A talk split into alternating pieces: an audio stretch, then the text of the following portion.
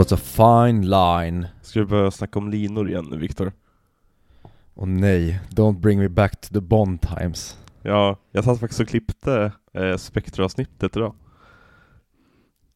Men det var väl i Skyfall vi koksade i slutet? Jo, vi, jag ska säga, vi pratade en hel del om kokain i Spectre också, ska jag faktiskt lägga till. Det är, ja, det, det var ett väldigt, väldigt kaosigt avsnitt. Vi satt och eh, låtsades att vi pitchade filmen till varandra i typ en och en halv timme. Eh, ja, det var väldigt rolig, rolig skit.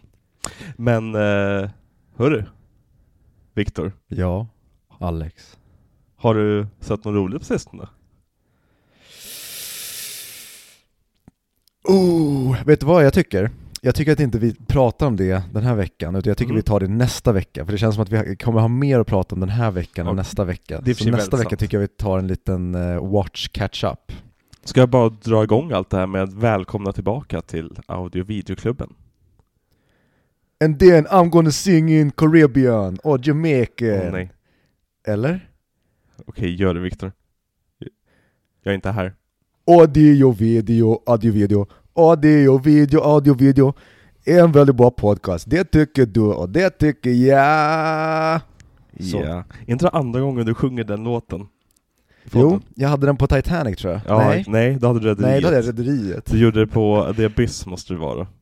Ja, det måste det varit. Mm. Ja, så kan vi också starta en miniserie som kommer dra till sig rätt många nya lyssnare, antar jag. Eh, hej och Eh, välkomna! det- Ja. Det jobbiga är om den drar till sig en massa barn, och så Ja. håller vi vår vanliga nivå, och så kommer det bli Ja. någon slags SOS-anmälan på våra framtida barn. Nej, för jag har insett att det, det finns ju faktiskt lyssnare där ute som bara typ såhär, oj jag vill lyssna på ett podcastavsnitt om den här filmen, om film X, och så söker de, och sen så dyker det upp saker i deras feed. Som, som vår podcast till exempel. Och jag tycker så synd om de människorna som tror att de ska få något normalt podcastavsnitt om, om en film, och så får de oss istället. Jag med. Men det här är då första avsnittet på vår miniserie om Disney Renaissance. Ja, eller som eh, Ted Mosby säger, The Renaissance. Exakt, exakt. Och Vad han, kö- han har köpt en, eh, vad heter det? En uh, Morgonstjärna. med, vad sa du? En morgonstjärna heter det väl? Heter det morgonstjärna? Flail. Ja precis, en flail. Och så säger han I bought this at the Renaissance fair. Ja. Det är... Vad, vad, vet du vad renaissance betyder? Eh, jag vet inte om det är någon latinsk term du är ute efter eller en förklaring, men eh, det är ju upplysningen, brukar de ju kalla det för. Mm. Och, och vad vad var upplysningen? Varför, varför kallades för re- renaissance? För det var då vi i Europa framförallt började använda hjärnan. Renaissance betyder att man återuppväcker någonting. Så det man gjorde var, under, under upplysningen var att man återuppväckte antikens ideal.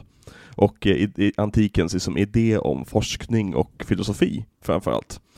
Och anledningen för Disney Renaissance heter, kallas för just det, är för att de gick tillbaka till att göra filmer om sagor på ett sätt de inte hade gjort sedan eh, Törnrosa. Så det var bara det jag ville komma fram till, att det, det, är därför det kallas för Disney Renaissance. Det här. Eh, hur många filmer vi ska prata om i den här miniserien? Oh, är det nio? Jag kan ta upp vårt spreadsheet så får jag se. Det är The Little Mermaid, The Rescuers, Rescuers Down Under, det är Beauty and the Beast, det är Aladdin, det är The Lion King, det är Pocahontas, det är Ringen i Notre Dame, det är Hercules, Mulan och Tarzan. Det är tio filmer, Viktor. Oh la la. Det blev vår längsta Tio miniserie. riktigt tunga, tio långa, tunga filmer med eh, väldigt, väldigt, väldigt pretentiösa berättelser. Exakt, tunga filmer som är jättesvåra att se också, de finns inte på någon streamingtjänst. Eh, och det är som ingen av er har ju sett de här i barndomen, så liksom, vi misstänker att liksom, ni kommer hata den här miniserien ungefär lika mycket som ni hatar Paul Thomas Anderson-miniserien. Mm. Ja. Nej men så det är, det, är de filmer vi ska gå igenom. Eh, Disneys återuppvaknande. Från deras mörka perioder till det, den liksom, det gigantiska megahuset som det är idag. Ja, det som startade Det som blev början på cancern som svalde allt Ja, som var precis. vackert i våra liv. Och även det som inte var cancer har blivit infekterat av cancern. Och försöker e- Jajamän. emulera cancern. Ingen kommer undan när Disney bara Ja, någon, någonting hände med en rödhårig liten flicka utan ben som inte hade en röst, som bara Mm. ville ligga med folk med ben och det var slutet. Ja, det slutade med Black Adam. Hittills. Ja, ja precis. Eller vad Hittills. heter den, En annorlunda värld är väl deras senaste Alltså Disney-ishiga film. Jo, nej, men jag tänkte bara att eh, Black Adam är ju liksom otroligt påverkad av att DC försökt göra en Marvel och så vidare och så vidare. Eh, men eh, ja, Åh, någon annorlunda värld är ju väldigt, alltså det är Disneys senaste tokflopp. Ja, jag tänkte inte ens på att Black Adam var DC, jag bara i mitt huvud så var det Marvel. Okej, jag ja, nej, det, det, det, är, ja, det är nog en av de sämsta filmerna jag någonsin sett. Den, den var Mm. riktigt rolig att se. Ja, kul. Mm, det är- kan starkt rekommendera en rolig kväll. Om ni vill se någonting riktigt, riktigt, riktigt dåligt. Mm. Men, Någonting eh, annat riktigt, riktigt dåligt, det var ju eh, kanske Disneys ekonomi fram tills den här eh, eran. Ja, exakt. Snygg övergång Viktor. Eh, Tack så mycket. Men eh, Walt Disney, han grundade ju Disney, eh, och han dog ju i, eh, precis innan den här eran, eh, eller inte precis innan men ja. Han, han styr, styrde ju företaget i början väldigt, väldigt hårt, det var ju hans företag. Eh, vet du vad Walt Disneys sista ord var?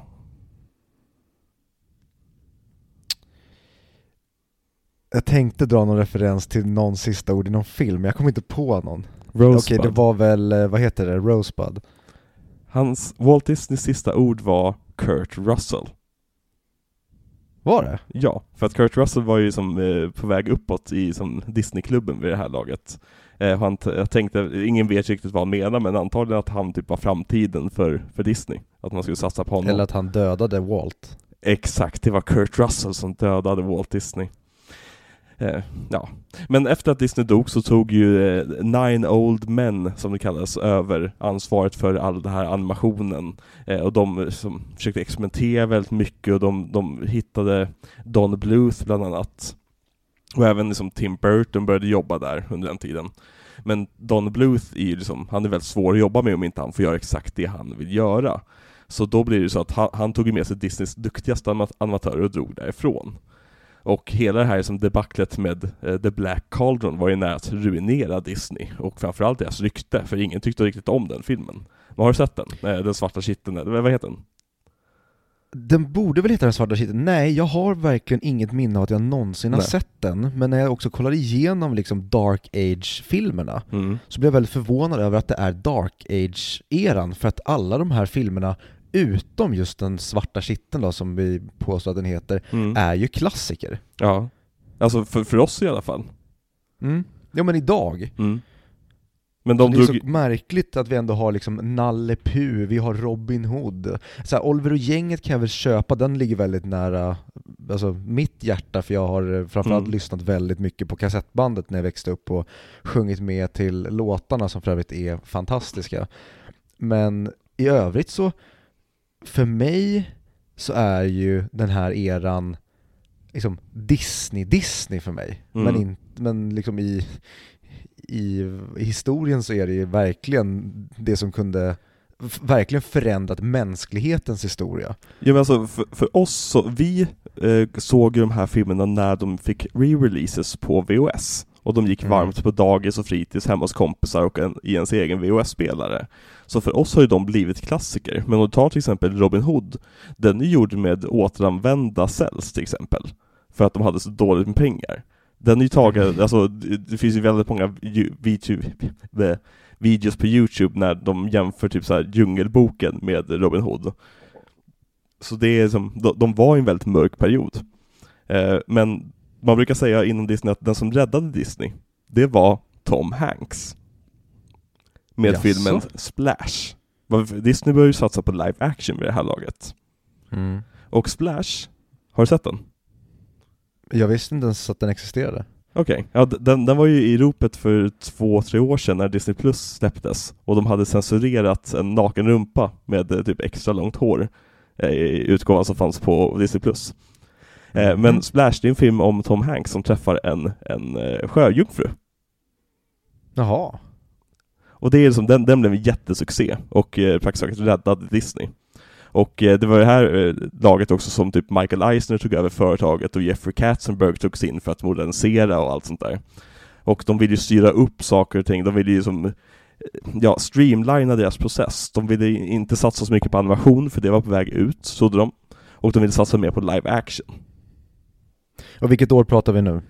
Alltså nu hoppar jag egentligen lite grann fram och tillbaka, men jag är någonstans mellan 85 och 88. Ja, okej. Ja, för det ligger ju en film precis, inte precis mitt emellan där, men eh, 86 som är väldigt, väldigt viktig för för företagets framtid. Vilken film tänker du på?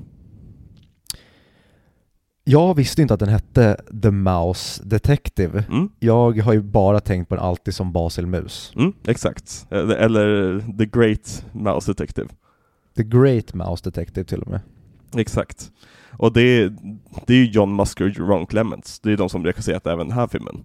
Eh, Mm. och det var ju Disneys första liksom, stora uppsving på väldigt, väldigt länge när den kom. Ja, men det, det är också intressant, alltså för att den är ju den, ekonomiska uppsvingen för, alltså för företaget. Men den är inte så, alltså i folkmun är ju inte det en Disney-klassiker. Alltså Nej. går du ut och frågar random folk på stan, då har ju typ ingen koll på Basil Mus egentligen känns som. Nej men precis, och, och det, det, när de, eh, den skulle egentligen heta eh, typ Basil of Baker, Baker Street. Men Mm. eh, marknadsföringsteamet bestämde att den skulle heta just The Great Mouse Detective. Vilket fick någon att skicka ut ett PM till hela företaget där de föreslog att alla Disney-filmer skulle skrivas om till till exempel Seven Little Men Help a Girl, eller The Wooden Boy Who Became Real, eller Robin Hood with Animals. För de tyckte att det var så dåligt att döpa upp den till The Great Mouse Detective. De, de tyckte inte att det var någon konstnärlig titel alls. Eh, och, och när den kom så blev den ju överskuggad lite grann av Don Bluths film eh, An American Tale, som också är väldigt, väldigt fin. Det är ju Steven Spielberg som eh, producerar. Ja, och jag trodde ju att i och med att alltså vid det här laget så Don Bluth hade ju lämnat företaget och startat sitt eget för att han just då inte fick den konstnärliga friheten som du nämnde. Nej. Och jag trodde ju att, eh, vad sa du att den heter på engelska? Eh, An American Tale. American Tale. Jag trodde ju att det var en Disney-film fram tills nu inför det här. Mm. Och det förstår man ju för att det ser verkligen ut som en Disney-film. Och sen Ja, ja. vi kommer ju komma till egentligen den filmen som kanske ligger över, nej det vet jag inte om jag skulle säga, men alltså Landet för länge sedan som egentligen är Åh, alltså det är ju pure fucking childhood Ja, för mig. Och det var, det var en, en av de här första filmserierna som man faktiskt upptäckte att det fanns en serie filmer. Att, att det Mhm. fanns mycket att kolla på, liksom att det fanns en lång historia här att följa. Ja, och det är sån, sån skillnad för första filmen, den, den står ju verkligen på egna ben i, framförallt i ton. För att från tvåan och framåt så blir det ju mycket mer barnvänligt, men den första filmen den är ju, alltså som Victor Järner skulle sagt, den är ju nattsvart. Ja. Och det är ju även, det tycker jag ju väldigt mycket om med, eh, jag såg om, eh, eller skummade mig igenom eh, Basil Mus nu inför det här för att liksom se om den hade åldrats på det sättet som, för att det enda jag minns ifrån den det är egentligen highlightsen ifrån och liksom. Rottigansången. Ja. Ja. precis de här grejerna och hur fruktansvärt rädd jag var för liksom den lilla äckliga fladdermusjäveln. Jag hade ju mardrömmar i år efter att Mhm. jag hade sett den. Men den är ju precis lika charmig som jag minns den och den är också nattsvart. Mm. Ja, ja. Nej, Den men är Dis- jättemörk. Disney har ju alltid haft en tendens, precis som de här liksom, Bröderna Grimm-sagorna eller Astrid Lindgren, att faktiskt försöka hitta mörkret i saker och ting. För att så de förstår sig på att barn behöver bli lite skrämda också. För då blir det så Mm. mycket bättre story när de sen upptäcker att det var okej att bli skrämd en stund, för nu mår jag bra igen. Mm. Och det tycker jag Ja, men- saknas i väldigt många moderna filmer. Att de försöker bara göra det ledsamt, de försöker inte göra det mörkt. Verkligen, det är någonting som jag eh, Även i vuxna filmer, alltså film som, filmer som inte är riktade till barn idag Mm. Att just aldrig kan få bli hopplöst en stund, eller det kan Precis. aldrig bli liksom att det känns som att oj, nu gick ni nog för långt, för att det är när vi befinner oss så långt ner i liksom lejonets kula i liksom monstrets grotta, det är ju då Ja. också sen när vi släpper slangbällan och skjuts upp och när slutet blir bra, det är då det känns som mest. Ja men alltså, det måste ju påverka folk, alltså påverka hela generationer att de, aldrig får lära sig en ordentlig motgång, att det kommer Mm. kunna gå över om man bara som kämpar sig ur det. Så ja, jag vet inte, nu ska jag inte bli amatörpsykolog, men jag tänker att det är säkert fler som blivit liksom skadade av att de, deras medier de konsumerar när de är små aldrig har liksom några hopplösa ögonblick på det sättet. Fast nu, nu kanske vi bara pratar rakt i röven, vi kollar ju inte särskilt mycket på barnprogram, eller jag gör inte det i alla fall. Så. Nej, vi kanske pratar mest om hur vi säger, alltså film i allmänhet idag, men Ja. även vi ser ju en del ungdomsfilmer idag, eller vi kollar ju även på Pixars och Disneys filmer som kommer, de här storfilmerna, och man, man märker ju en tydlig tonskillnad mot hur det var framförallt när vi var små, det Ja. vet jag själv. Alltså, jag älskar ju framförallt hopplösa slut, men jag tycker även om att som barn blev jag utsatt för de här filmerna och även äldre filmer som inte bara kom under 90-talet utan även 80, 70, 60 som man fick se som verkligen skrämde skiten ur en och där man Ja, fick men- lära sig att liksom, ibland måste det bli som mörkast för att det sen ska kunna resa dig upp och att Mm. när du befinner dig på botten och man tror att nu har fienden vunnit, nej, men det är då du ska liksom resa dig upp och ta dig själv i kragen Ja. och kunna applicera det på sitt eget liv även om det inte är att man tänker på det så sätter ju det en slags psykologisk standard i ens huvud vill jag i alla fall inbilla mig. Mm. Nej, men, och, alltså, det gick rätt snabbt liksom, det skiftet tycker jag också. Jämför bara som Mm. Toy Story 3 med Toy Story 4. Där är som To- Toy Story 3, där måste liksom de här leksakerna bemöta döden. Och i Toy Story 4 måste de bemöta skräcken att vara tillsammans med en person resten av sitt liv. Typ. Jag vet inte, den var Ja. väldigt postmodern. Eh, de kanske vi ska prata om någon gång tycker jag. Alltså, det bes- alltså Kanske. typ bara Toy Story-filmerna. Ja, alltså Alltså- absolut. När, när vi känner att vi liksom hittar en lucka på fyra filmer, då Ja. är det en perfekt miniserie. Exakt, för jag, tycker- alltså, jag vill ju prata Pixar, men det är ett sånt jäkla stort, stort projekt nu. Mm. Då kanske man ska köra liksom som det här nu, att vi kör renässanseran för Disney, då kanske man tar, ja men, Hitta de på egna eror. första... Vad sa du? Hitta på egna eror liksom, där. Ja men precis, att vi Mm. kanske tar de Pixar-filmerna som är de Pixar-filmerna som vi har vuxit upp med, man kanske tar till och med kanske inte ens Wall-E, ja men runt där bilar Wall-E, det var där jag liksom där man, när man blev vuxen, jag tänker på filmerna framförallt liksom Mm. Toy Story, Bugs Life, Monsters Inc Ja, precis, som eh, första som startar skiten liksom. Ja men precis, de här första kanske fem, sex, för vad är det? Vi har hittat Nemo sen, och vad kommer sen då? Ja men för Hitta Nemo är väl Wall-E?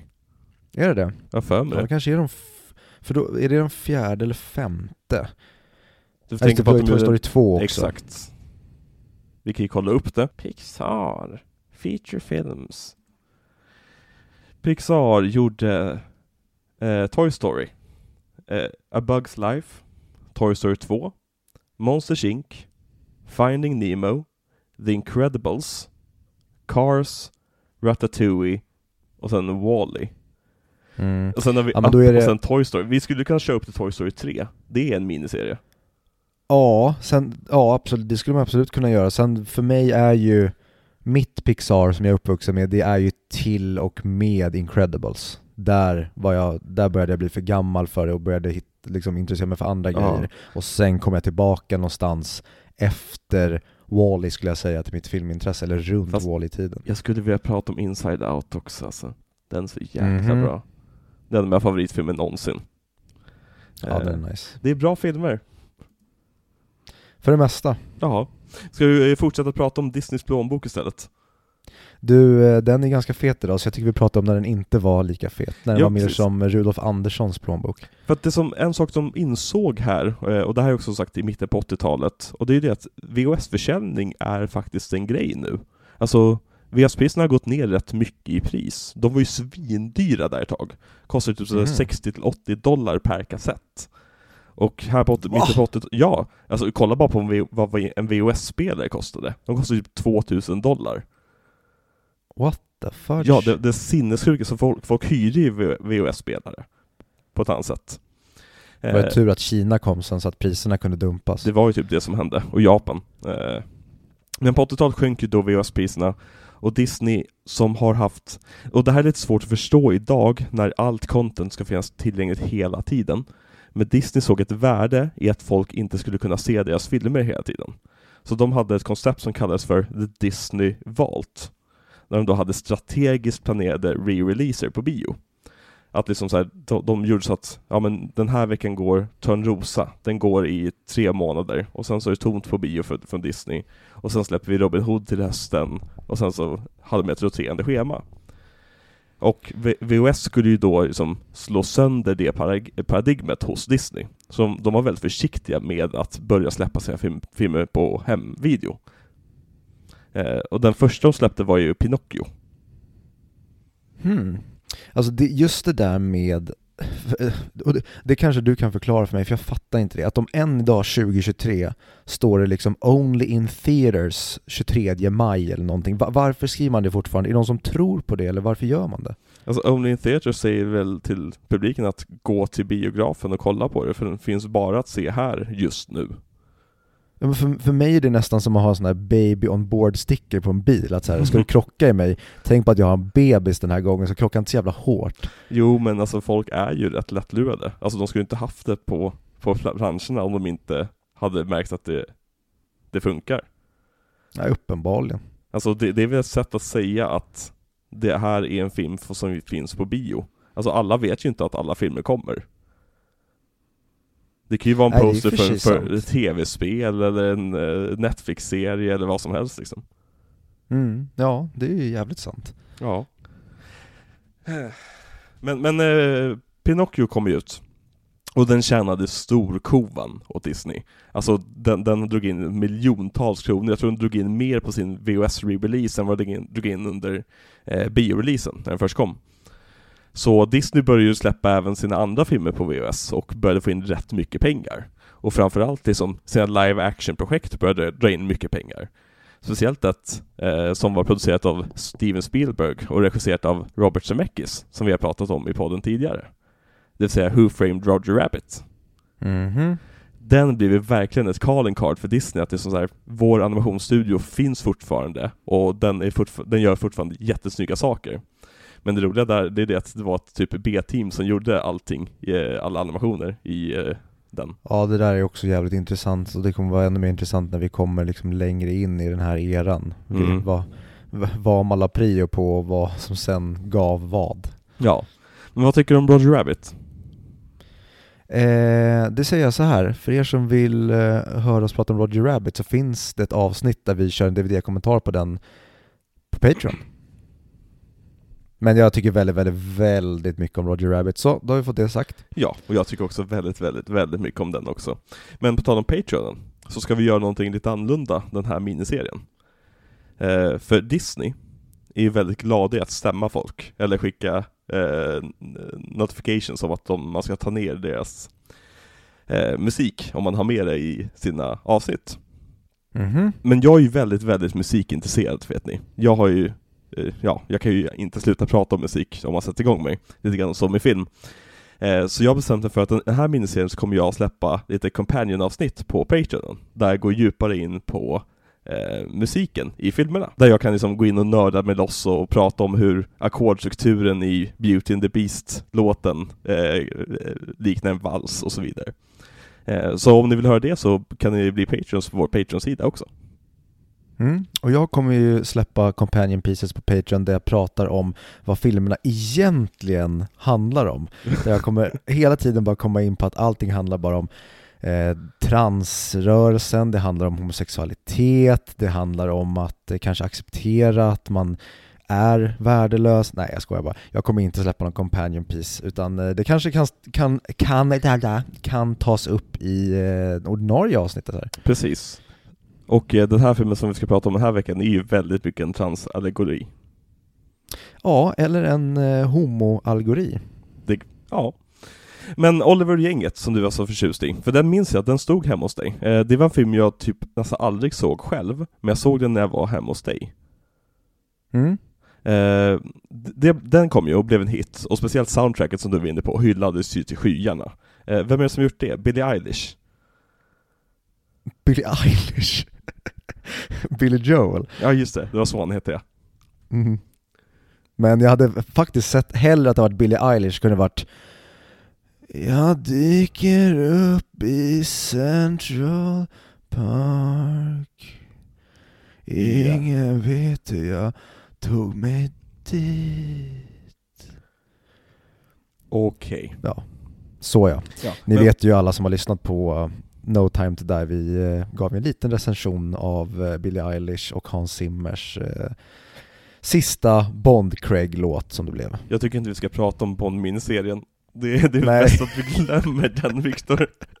Det Vad var det? Det är som en feberdröm. Ja men lite grann, alltså det, det, det, det är nästan sjukt hur, hur, det, hur det blev med den miniserien. Det första avsnittet var vi så jävla on point, och sen bara havererade det. Ja, men jag tänkte också idag, för Ja. vi ska ju säga det att nu, det har ju gått ett tag sedan vi spelade in eh, sista Tom Ford-avsnittet. Ja, precis. Eh, det har ju varit jul, och, eller det har varit nyår sedan dess och januari har hunnit börja. Vi spelar in det här i mitten på, eller till och med senare än mitten på januari. Ja, För i mitt huvud, då tänkte jag att så här, ja men vad bra, nu, nu är det dags för miniserien efter James Cameron här. Och sen kom jag på en stund efter, nej just det, vi har gjort Bond också. ja, och Tom Ford. Ja, ja men det, det tänkte jag som var, ja men det är palette cleansern Ja. som var mellan Disney och James Cameron. Ja men så här, Bond är miniserien som aldrig hände, vilket är märkligt för att just nu när vi sitter och spelar in det här så släpps Bond-avsnitten för löpande band. Ja. Ja, men det är väldigt roligt. Men vad tycker du om Oliver och gänget? Du sa att du tycker om den, men vad, vad, vad gillar du med den? Idag gillar jag ingenting med den, för att min koppling till den det är ju de svenska rösterna. Eh, jag slog på den när jag hade Beckas systersöner här för ett tag sedan för att visa dem att det här pojkar, det här är riktig kultur. Men det är inte samma röster som var när jag var liten, eller i alla fall inte på kassettbandet, för det är de rösterna jag minns mest. Och jag tycker också det är märkligt varför man inte använder samma röster på kassettbandet som i filmen, eller så gör man det Åh, och de hade du dubbat om där- den. Hade du sånt där, när du hör det här ljudet, så är det dags att vända blad. Jajamän, och det var ju. Disneys officiella. Ja, Så det de konstiga är varför rösterna skiljer sig. de var aldrig tagna direkt från, från filmerna. Eh, jag hade Mm. såna med, med Star Wars, där det var dubbade röster. Mm, ja, jag med. De var så jä... Åh, fan vad jag skulle vilja ha de kassettbanden idag. Ja. De finns ju att höra på Youtube här för mig. Vi diskuterade det här i Star Wars-avsnittet. Åh, är nice. 100 mick? Åh, någonting annat som är helt kopplat från det här, eller när Ja, vi pratar om Star. Wars. Idag fick jag ett eh, sms av Beckas syrra som då har en eh, åttaåring och en femåring och hon frågade mig, eller hon skrev så här Charlie, då äldsta sonen, har fått en Star Wars-bok och den satt han igår en hel timme helt tyst och bara bläddrade i. Mm. Och han frågade mig, mamma, visst tycker Viktor om Star Wars? Ja, det tror jag, sa hon. Tror du han skulle vilja se alla Star Wars-filmer med mig? Och så frågade hon så här, men typ skulle du kunna tänka dig det, eller är det för jobbigt för dig? Jag bara, du det här är ju typ julafton för mig, det här är det jag drömmer om när jag ska få barn en dag. Det är att mina barn ska vilja se Star Wars för mig. Mhm. Ja, det, det är, ja, det, Star Wars och Sagan om ringen. Mhm. Det är det man vill visa barnen. Sen kan man skita i Ja. barnen resten av deras liv. Ja, sen, fan, sen måste man jobba och dra in så att de kan käka nudlar till eh, mellis varje dag. Precis, exakt. Eh, var var jag någonstans? Oliver och gänget släpptes. Det blev en eh, hit och soundtracket hyllades som sagt, ja. Eh, och under den här tiden hade de ett rätt ro roligt koncept i att alla som jobbade på Disney fick pitcha eh, till eh, animationsledningen. De hade något som kallas för The Gong Show. Där eh, de, folk fick upp och pitcha, och var inte pitchen tillräckligt bra så slog någon i en gång som stod på scenen, och då fick de gå av. Och eh, John Musker och John, eh, Ron Clements eh, då pitchade då Little Mermaid, eh, som de hade fått idén från efter att ha varit i en bokhandel och sett H.C. Andersens bok. Eh, har du läst originalet? Nej, men jag vet skillnaderna på alltså, vad originalstoryn innehåller och vad som inte finns med i den här slash vad de har ändrat. Okej. Vet, vet du Har du var Danmark ligger? Nej, vem är det? Danmark, det är ett land som har en staty eh, av Lilla Sjöjungfrun. Aha. Ja. Det, Nej, aldrig hört talas om. nej, det grundades av H.C. Andersen. Okej, men vi är, var inte Danmark Sverige, eller var det att Skåne tillhörde Danmark? Skitsamma, eh, kan vi bara skära av Skåne och ge det till Danmark så? Det låter som en bra idé. Men eh, vad var det jag skulle säga? nej, det, nej, nej. Jag skulle aldrig tillbaka till Skåne, danskarna, danskjävlar. H.C. Eh, Andersen, eh, Little Mermaid, de, de, idén antogs. Eh, först var det tänkt att så här, det är lite för likt Splash, som var en så pass stor hit. Det är så kul att de pratar om det som en pass så gigantisk hit, när det typ så här, vi har aldrig talat om filmen. Mhm. Eh, den är helt bortglömd idag, eller inte helt bortglömd, men liksom, ja. Men det tycker jag, så, och det saknar jag så mycket med den tiden det här med också när du pratade om den här bioreleasen och vilka man re-releasade och sen när VOS kom in i det hela. Att idag, hur liksom streamingmarknaden och bio-release och allting, alltså distributions och exponeringsmöjligheterna idag, det är ju olika galaxer i jämförelse med hur det var framförallt när vi var små på 90-talet, mm. men ännu mer på 80-talet och hur då, alltså det finns så många saker som framförallt filmer och sånt som, ja men råkade inte du ha en kompis som råkade ha den filmen just då, ja men då blev du aldrig introducerad för den här världen. Och det går liksom inte att koppla idag, för idag har du tillgång till allting, så att bara du följer rätt person eller bara du egentligen öppnar Aftonbladet eller sätter på SVT, då kommer du ha samma liksom, kulturkanon som alla mm. andra. Ja, ja. Nej men det är verkligen Alltså alla klyschor, eller klyschor, vad säger man? Klicks, ser ju Marvel-filmer, så att säga. Mm. Det, alla har en gemensam med, medial värdegrund att stå på nu för tiden. Det är lite skrämmande ja. också. Men, eh, en Disney-film ska ha musik också. Och i och med att Oliver-gänget var så otroligt lyckad med sitt soundtrack så tänkte de att nu ska vi satsa ordentligt på det här soundtracket. Så de tog in två stycken Broadway-kompositörer, eh, Howard Ashman och Alan Menken.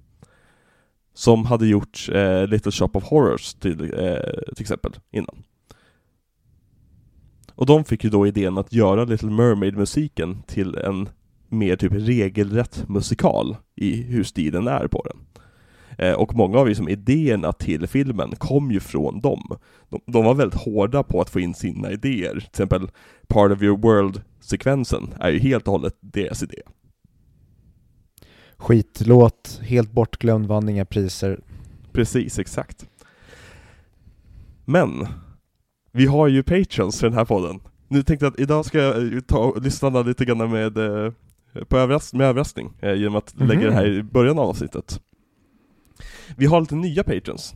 Eh, två stycken 50 kronors patrons. Vi två har... nya 50-pattar. Jag var tvungen att säga det ordet just den här veckan. Jag har längtat efter att få säga det. Vem av dem är vänster patte och vem är höger patte? Snälla Viktor. Okej. Okay. Vi har två stycken nya 50 kronors patrons. Josefin Lejon och Oliver Nilsson. Mm, egentligen så borde vi ha väntat med shoutouten på Josefin Lejon till vi ska prata om Lejonkungen, för då hade vi kunnat faktiskt säga att hon är the Lion Queen. Det hade vi kunnat göra, men nu gjorde vi det nu istället. Jag tycker vi försöker göra om det igen sen, och låtsas som att vi inte har sagt det här. Exakt, vi klipper bort det här. Nej, vi behåller det, och sen så låtsas vi som att det aldrig har hänt. Okay. Och så bara låtsas vi. Så det här är lite grann Bond-miniseriens Patreon shoutout? Mm. Eh, men vi har en ny 100 kronors Patreon också. Ja, Jesper Paulsson har ju, han har ju upgradat sig själv, han har ju faktiskt multiplicerat sig själv med mm. fyra och därmed är det ju en title till att välja en film som vi ska prata om på Patreon-feeden. Ja, hade, kom han med något förslag till slut? Nej, för jag pitchade ju till Jesper då att om han kommer med massa bubblare han har på vilka filmer han eventuellt skulle vilja att vi pratar om så kan ju du och jag prata om det avsnittet. Men Jesper, när vi spelar in det här så har inte du återkommit så mm. att eh, idag blir det inga bubblare. Men när du har dina bubblare, då tar vi dina bubblare. Och det är också ett väldigt smart sätt för honom att få oss att prata om typ tre andra filmer fast lite kort. Ja, Ska vi ge honom ett, nästan vi ska ge honom ett tidsfönster, men nu spelar vi in det här så långt ja, i förväg så att det går inte. Ja. Nej men och, och, om du vill önska en film till Patreon-feeden, eller till huvudfeeden också, men då måste vi vara snorik. Eh, men till Patreon-feeden, så, så bli 100 kronors Patreon, så får du önska en film som vi då recenserar, eller recensera ska vi inte göra, som vi pratar om. Och då får du då välja om vi, vi ska göra... avsnitt om? Ja, vi gör ett avsnitt om. Eh, du får välja om vi ska göra en, en så kallad DVD-kommentar, eller kommentarspodd, eller om vi ska göra ett vanligt regelrätt avsnitt om det. Mm. Och fan vad jag tänkte på nu.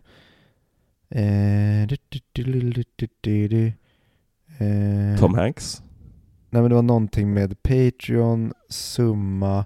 Jo, eh, jag kommer att tänka på, när, du hade väl också Playahead antar jag? Ja. Ja, och för er som inte vet vad Playahead är så är det egentligen en slags föregångare till Facebook som dog i samma veva som Facebook egentligen kom. Mm. Men, det var inte det jag skulle komma till, utan på, på Playahead då kunde man ha VIP då, och då fick man massa extra grejer på sin profilsida, du kunde ha en låt och massa andra grejer. Och det som jag i alla fall och många i min klass och mina kompisar gjorde, det var ju att man tog typ skolans telefoner och sånt, för det var ju, man betalade Exakt. genom att man ringde in ett nummer och då så blev det som att man fick pengar på Playahead och då så kunde man köpa den här vippen då. Och då gjorde man ju alltid så att ja, men man tog skolans telefon eller typ kommunens, man var på bibliotekets telefon och tänkte att alla ni nu som typ jobbar på en statlig myndighet, för att vi ska ta, få tillbaka våra skattepengar, då kan ju ni bli Patreons med era arbetsgivares kort. Så jag tycker nu att bli 500 kronors Patreon med kommunplånboken, så. Alltså vi har ju faktiskt lyssnare Nej, nej, jag ska inte säga någonting. Eh, Säg någonting. nej, jag säger ingenting. Eh, men tack så jättemycket till alla våra patrons. Vi, vi, vi, vi älskar er. Vi, eh, ni är snygga och ni är sexiga och ni eh, samlar inte på gafflar. Mm, det, det gör ni verkligen inte och Nej. ni är inte villiga att eh, ge upp er röst för att bara vara ögongodis för att en man ska bli kär i er. Eller så är ni just det. Jag, jag dömer ingen. Jag dömer alla. Okej, men också tack till våra vanliga lyssnare. Nu sa jag det igen. Våra klubbare, som Viktor vet att jag ska kalla dem, vilket blir bara konstigare och konstigare för varje gång jag säger känns som. Eh, nej, Pattar och klubbare. ja, verkligen. Nej men tack så jättemycket till våra klubbare. Eh, vi älskar er också. Ni är snygga och ni är sexiga, men för någon anledning fortsätter ni att borsta er själva med en gaffel. Så jag vet inte riktigt vad ni håller på med där, men det är rätt sött också. Ja, rätt charmigt. Mm. Eh, vi borde, vi borde göra merch och då borde vi göra typ t-shirtar eller hoodies och så på, kanske på bröstet då är det ja, men bara vanliga AVK-loggan eller någonting och sen på ryggen, beroende på om man är Patreon Ja. eller vanlig, då kan man få om man ska stort på ryggen, klubbare eller patte. Alltså, alltså vad är nivån i den här podcasten i vårt första avsnitt på Disney-miniserien Viktor? Det, Det- det, Men det är viktigt att vi förklarar för de som inte har lyssnat tidigare att det här är dagis. ja men det jag menar bara är att alltså, vi kunde gjort det så mycket roligare. Nu sitter vi bara och säger ord som patte och klubbare och grejer. Skitsamma. Men hur skulle vi gjort det roligare då? Jag vet inte, jag är inte roligare än så här. Det är det jag menar, vi är inte bättre så här. Vi, våra nivå sträcker sig upp till patte och klubbare, det säger allt om oss. Exakt. Ja. Men Viktor, vad handlar den här filmen om? Oj, ska vi verkligen öppna den asken igen här? Ja, du får inte sitta och pitcha filmen i en och en halv timme nu, men eh, berätta Nähä. kortfattat vad den handlar om. Okej, då är det så här då. Det är en lite rödhårig tjej utan ben som bor i havet, eh, hennes pappa är kung, eh, det finns en tjock bläckfiskkvinna som vill då, hon är på något sätt avundsjuk på den här kungen, eh, så att hon ska då göra en liten eh, luring med den här lilla rödhåriga tjejen utan ben och ska då få henne att ge upp delar av sig själv så att hon kan lura henne så att hon sen kommer äga hennes själ kan man säga så att hon sen kanske kan lura pappan och kungen, att byta sin själ och sig själv mot sin dotters och sen så kommer hon då kunna bli drottning över havet och det är det. Men egentligen så handlar det då om en liten flicka som egentligen vill bryta sig ur sitt hedersförtryck som hon lever i för att kunna skapa sig ett nytt liv, en ny identitet där hon inte lever med hotet om att eventuellt hennes väldigt våldsamma pappa ska slå sönder alla hennes saker hon har samlat på sig när hon var liten. Vad, mår, mår du bra Viktor?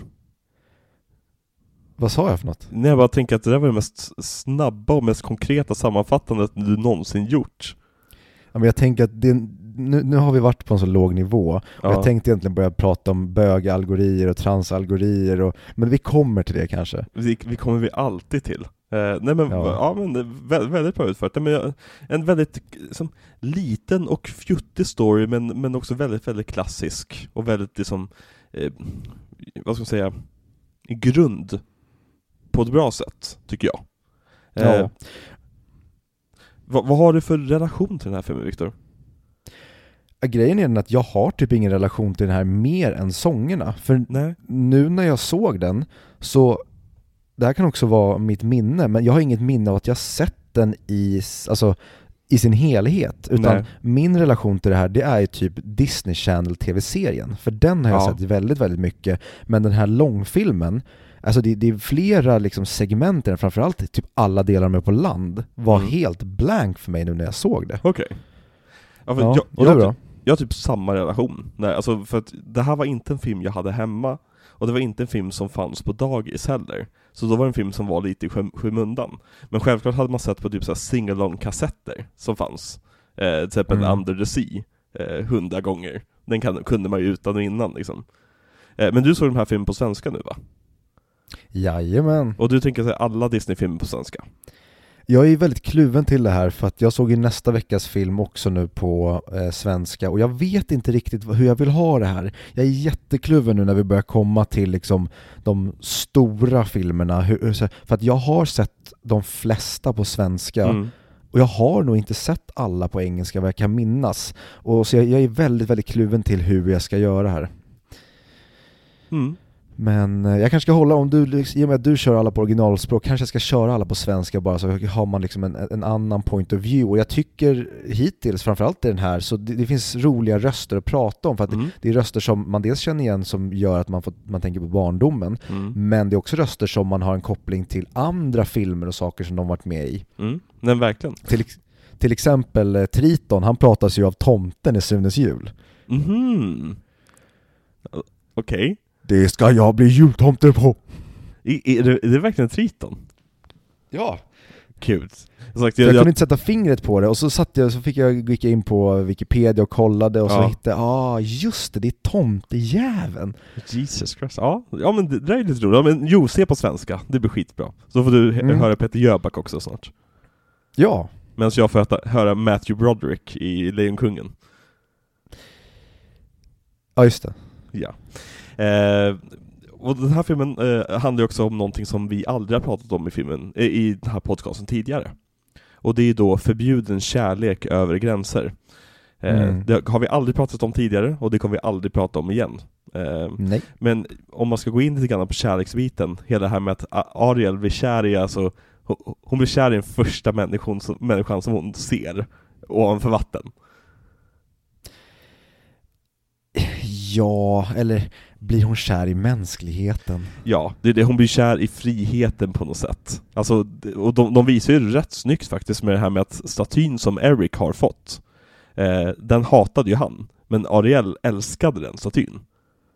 Mm. Skulle man kunna säga att hon faktiskt blir kär i demokratin? En värld där hon What? har möjlighet att faktiskt vara den hon vill vara? Hon vill vara part of your world. Åh, och vi kanske kan prata om den direkt. Vad är det för ett jävla mästerverk? Ja, det, det, det är den absolut bästa låten i den här filmen. 100%. Och det är, jag skulle säga, topp fem Disney-låtar. Oj, ja det där, vi kanske ska hålla oss med eh, Okej. rankningar och sånt, och så får vi göra våra liksom, våra topplistor när det kommer Det- till låtar sen. Exakt, det kan vi göra i slutet av miniserien. Mm?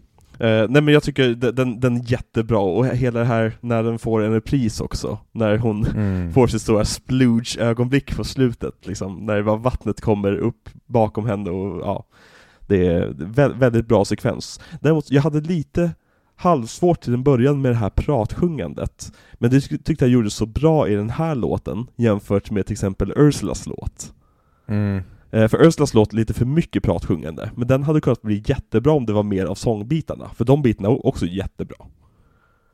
Ja, det, det, det tycker jag också är väldigt kul med, för nu när vi spelar in det här, då har jag bara sett den här veckans film och nästa veckas film, och jag tycker det är väldigt kul att redan här, och samma sak, jag, jag sa ju det, jag skummade igenom eh, Basil Mus, och det är så kul att se Mm. De små liksom, nuggetsarna i de här filmerna som sen återkommer i framtida filmer och ta då till exempel pratsången i Ursulas sång Precis. som vi sen till exempel får igen i eh, Be, Be Prepared Vad är det för där något? de kanske då, att om de inte nailar pratsången här så nailar de den med Scar. Så Ja, men att det- okej men Mm. Nej men, nu ska jag bara rycka av plåstret på en gång, men jag tyckte inte jättemycket om den här filmen. Men jag tyckte om den i det att jag ser hur den utvecklar liksom, Disneys alla tropes på något sätt. Hur den är Mm. först med allting. Hur den, den öppnar dörren för just Lejonkungen, Pocahontas, Aladdin, alla de här. Mm. Och som just typ Part of the World, den, den tyckte jag jättemycket om. Men Under the Sea, den, den låten tycker jag, för att vara en låt som typ, ja praktiskt taget återuppväckte Disney med egna händer, eller klor ska man säga, så är den låten rätt mid för mig. Alltså, jag tycker den, är rätt tråkig. Vad, vad tycker du om Under the Sea? Alltså jag håller faktiskt med dig. Jag hade nyligen ett projekt där vi eh, skulle kasta barn till en reklamfilm och då skulle alla barnen sjunga Under the Sea för att regissören ville se hur de klarade av att sjunga en låt på engelska. Och då slog det mig att jag har typ aldrig lyssnat på den på engelska, jag har alltid bara lyssnat på den på svenska. Dels tycker jag att den är mycket bättre på svenska, jag tycker att den är lite, lite nästan lite hackig på engelska. Den Ja. flyter, jag tycker att texten framförallt flyter mycket bättre på svenska och det tyckte jag var så märkligt sen också när man kollar liksom att den går och vinner en Oscar, att det är den som vinner en Oscar och Ja, inte den andra låten. ja, nej men verkligen. Och det är samma sak med Poor Un- Unfortunate Souls, som jag också tycker så här, den har potential, men det känns inte som att den får blomma ut riktigt. Eh, Kiss the Girl är ju jättebra tycker jag. Ja, Det, det, det, det är ju en banger. mm. Men och den så, hade jag typ i mitt huvud, den, den minns inte jag var från den här filmen ens, utan det var bara, jag minns bara Shalalala-delen. Ja, precis. Nej men det, det, skulle ju kunna vara en typ en, en, en vanlig låt, typ på radio. Mhm. Ja. Eh, och sen har vi Le Poisson! och det, det är alla låtar i den här filmen, förutom typ lite repriser och så vidare, eh, och, och starten. Eh, på, när de, eh, vilket så här, det känns som att de ville väldigt gärna göra det här med musikalgrejen, men de vågade inte gå hela vägen fram. Och lite spoiler alert, men jag har sett nästa Musker Clemens film i den här eh, miniserien. Och där kan jag säga att där har de vågat gå musikalhållet all in, och det älskade jag. Men det vet vi inte än. Det vet vi inte än, det vet vi inte än. Men Viktor, vad har du, vi har pratat lite grann om det här tidigare, men vad har du för relation till musikaler? Har du sett någon musikal som du verkligen, verkligen tyckt om? Ja, det är Grease, det är den musikalen som har följt med mig, förutom liksom alla Disney-filmer. Men, men för mig är inte de musikaler på det sättet, utan det är mer att de använder, just för att det är tecknat och animerat, så använder de sången egentligen för att förklara någonting, hur en Mm. karaktär känner, eller kanske gå från en scen till, det är egentligen som en språngbräda används det som snarare än att liksom, filmen drivs fram av sång eller att det blir, utan det är bara, vad säger man, det är nästan som ett berättargrepp som aldrig går till full-blown musikal, i alla fall min feeling. Mm. Ja, för att en, skillnaden mellan att ha en musikal och att ha musik i en film brukar beskrivas i att i en musikal så är det så att när känslorna blir för starka för att prata, då sjunger man istället de här känslorna. Hmm. då är det oftast en musikal, sen såklart finns det andra mus alltså musikaler som bryter mot det här och, och så vidare. Men eh, alltså på 60-talet var det väldigt vanligt att ha bara musik i en film, eller alltså fram till 60-talet med det. När man bara kunde bryta ut i sång lite grann och göra ett musiknummer helt plötsligt. Och sen så gick, gick man tillbaka till storyn. Men som musikal ska det alltid föra storyn framåt eller vara en som en, ett förmedlande av en känsla. Det gör någonting till musikal. Och det är det som är spännande Mm. med den här, för att det finns lite olika så här, de här typerna av låtar måste du ha i en musikal. Och det första man ska börja med är alltid en så här, välkommen till världen-låten. Alltså, här är vi, det här är vår värld, så här funkar det här. Och det har vi ju i den här filmen, med de här Mm. männen som jobbar på båten och sen ner under ytan, så får vi se som Tritons döttrar hålla på. Och sen kommer alltid en låt som är, som kallas för I Want-låten, där vår hjältinna, eller vår hjälte, ska sätta sig ensam på scenen och sjunga typ en ballad om vad de vill ha i världen. Vad är det jag längtar efter? Vad är mitt mål med allt det här? Och det är nog en av de viktigaste bitarna av musikal. Har du inte det så brukar det ofta kännas rätt fattigt. Du brukar inte riktigt känna att du känner huvudkaraktären. Ja men lite som när Frollo sjunger som eldar, det brinner, då vet vi att han är vår huvudkaraktär och det är han som berättar vad han vill. Det där är väldigt, väldigt intressant, för det där kommer vi återkomma till om några veckor, varför den låten är så speciell. För en, en annan, en typ tredje, tredje nyckelbit, nej, nyckelbit, pusselbit som brukar finnas i musikaler är just skurklåten. Och jag var lite Mm. grann inne på det här i Cats, men skurklåtar brukar oftast vara ”Jag är”. Jag är på väg dit, jag är den här personen, jag kan trolla, jag kan fixa det här, jag kan lösa ditt problem, brukar oftast grejen vara. Eh, och där har vi Ursula i ett nötskal, hennes låt är bara liksom ”Jag är det här och jag kan göra det här”. Men, men Mm. lite grann I want såklart, för att de ska också vara, vara människor. Men det ska vara, vara framförallt I am, där.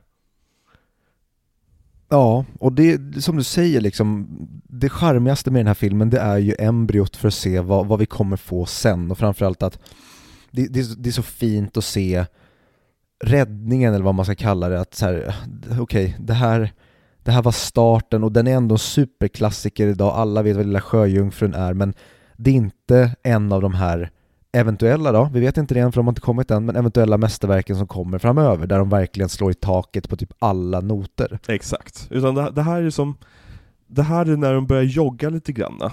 Och vi vet att de kommer, nu med facit så vet vi att de kommer springa ett jävla maratonlopp. Men just nu Mm. har de bör- bara börjat jogga, och det är fortfarande rätt imponerande i efterhand. Och det måste varit jävligt imponerande när man gick och såg den för första början, tänker jag. Ja, och och framförallt att den kommer nu, för att hade den kommit tre filmer fram, då hade ju den varit fucked. Ja, precis. Det här behöver vara första filmen. Det här behöver, det är lite som, ja, typ Elvis eller Beatles. Alltså en del av skärmen är att det var först med någonting. Mm. Absolut. Men ska vi prata oss igenom karaktärerna lite grann? Jag tänker, Ja, skådespelare, göra? skådespelare går ju inte att prata om, i och med att, eh, ja, först är de flesta okända och sen så har ju du sett på svenska och jag ser på engelska. Men Ariel, vad tycker du om henne som karaktär? Kvinnan som förlorade sin röst för en man. Och det, ehm, Ariel är ju nästan, vad ska man säga, hon är ju det mest intressanta och kanske typ nästan det enda intressanta med den här filmen, eller det är också väldigt intressant vad, vad de väljer att, vem, vem är vad i den här filmen, men framförallt att Ariel är, hon- är villig att ehm, ge upp det som verkligen är hon för att få vara där i liksom i solsken. Ja, Det, och det tycker jag är så himla jag vet inte om det är samtiden som har skadat mig, men det känns så jävla fräscht. För att idag hade man aldrig gjort det på det här sättet, för att det hade sett som att hon, ja men det enda sättet för henne att duga för den här mannen, det är att liksom eh, vara den perfekta kvinnan, och den perfekta kvinnan håller käften Ja, det- eh, det- på alltså- något sätt och bara är ögongodis. det, det, det, den här är ju, det, det är ju metaforisk. Alltså det, är en saga, det är en fairytale. Mm. Det, man, alltså det handlar om att det handlar om djupare än hon förlorar rösten för en man. Men som säger, idag hade man ju aldrig vågat göra det för att liksom på papper och i en, jag tror vi ska börja mynta så här, i en tweet, så hade det inte sett bra ut. Nej, och om man ska ta det då, alltså det hon gör, det är ju inte att, alltså det, det är så här, det, H.C. Andersen, ja, för, för, för storyn är ju så att förmodligen, han var ju kär i en annan man, och förmodligen så var det ju så att han skrev Little Mermaid som en förklaring på att jag önskar att jag kunde vara en kvinna så att du kunde älska mig som din fru. Mm. För att den här mannen då gifte sig med en kvinna medan H.C. Andersen då allegedly älskade honom och då ska det här vara som en algori för att jag önskar att jag kunde ändra på Precis. mig själv så att jag var det som du kunde älska. Men sen har ju också kommit då den här moderna tolkningen på det, liksom som att transrörelsen har ju till och med mermaids som liksom symboler ibland Mhm. för att de är då de här ja, men, varelserna som förändrar sig och liksom kryper upp på land och kommer ut. Mhm. Men det finns väldigt mycket saker i det som jag inte köper för fem öre. Jag, jag började kolla på en YouTube-video om just den förklaringen till varför det skulle vara en algori för trans och det köper jag inte för fem öre så började de komma in på att så här, ja men eh, Ariels liv blir ju inte enkelt utan hennes liv kommer att vara fyllt med liksom, det är, det är fyllt av struggles och eh, motgångar och saker hon behöver överkomma. Och det ska ju inte en transition mellan könen vara. Och då kände jag bara att nej men nu, nu får ni fan liksom ge er med det här. Mm. Och det är därför jag tycker att liksom, det, det finns så mycket nu på, kött på benen om att ja, men H.C. Andersen var förmodligen kär i en annan man och det här är en algori för att vara homosexuell och att han inte kan vara det som den här mannen då älskade. Ja men och också bara liksom det man är villig att offra för kärleken. Alltså i, i, i, grund, i metaforen så är rösten inte någonting annat än, än någonting väldigt, väldigt värdefullt för Ariel.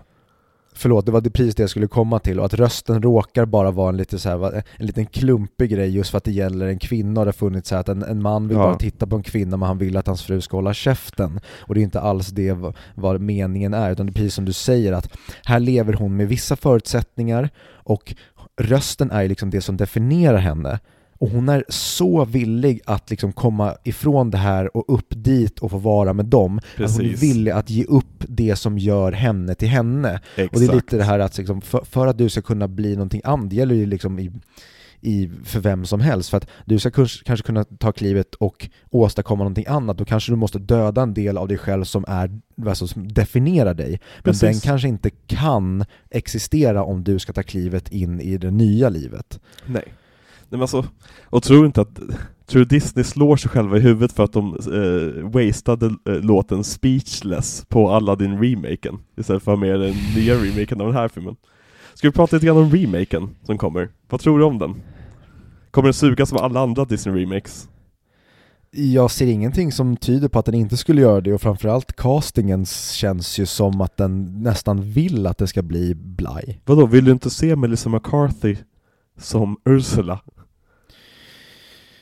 Nej, jag vill verkligen inte se henne som Ursula. Jag vill ha typ så här Kate Blanchett som Ursula.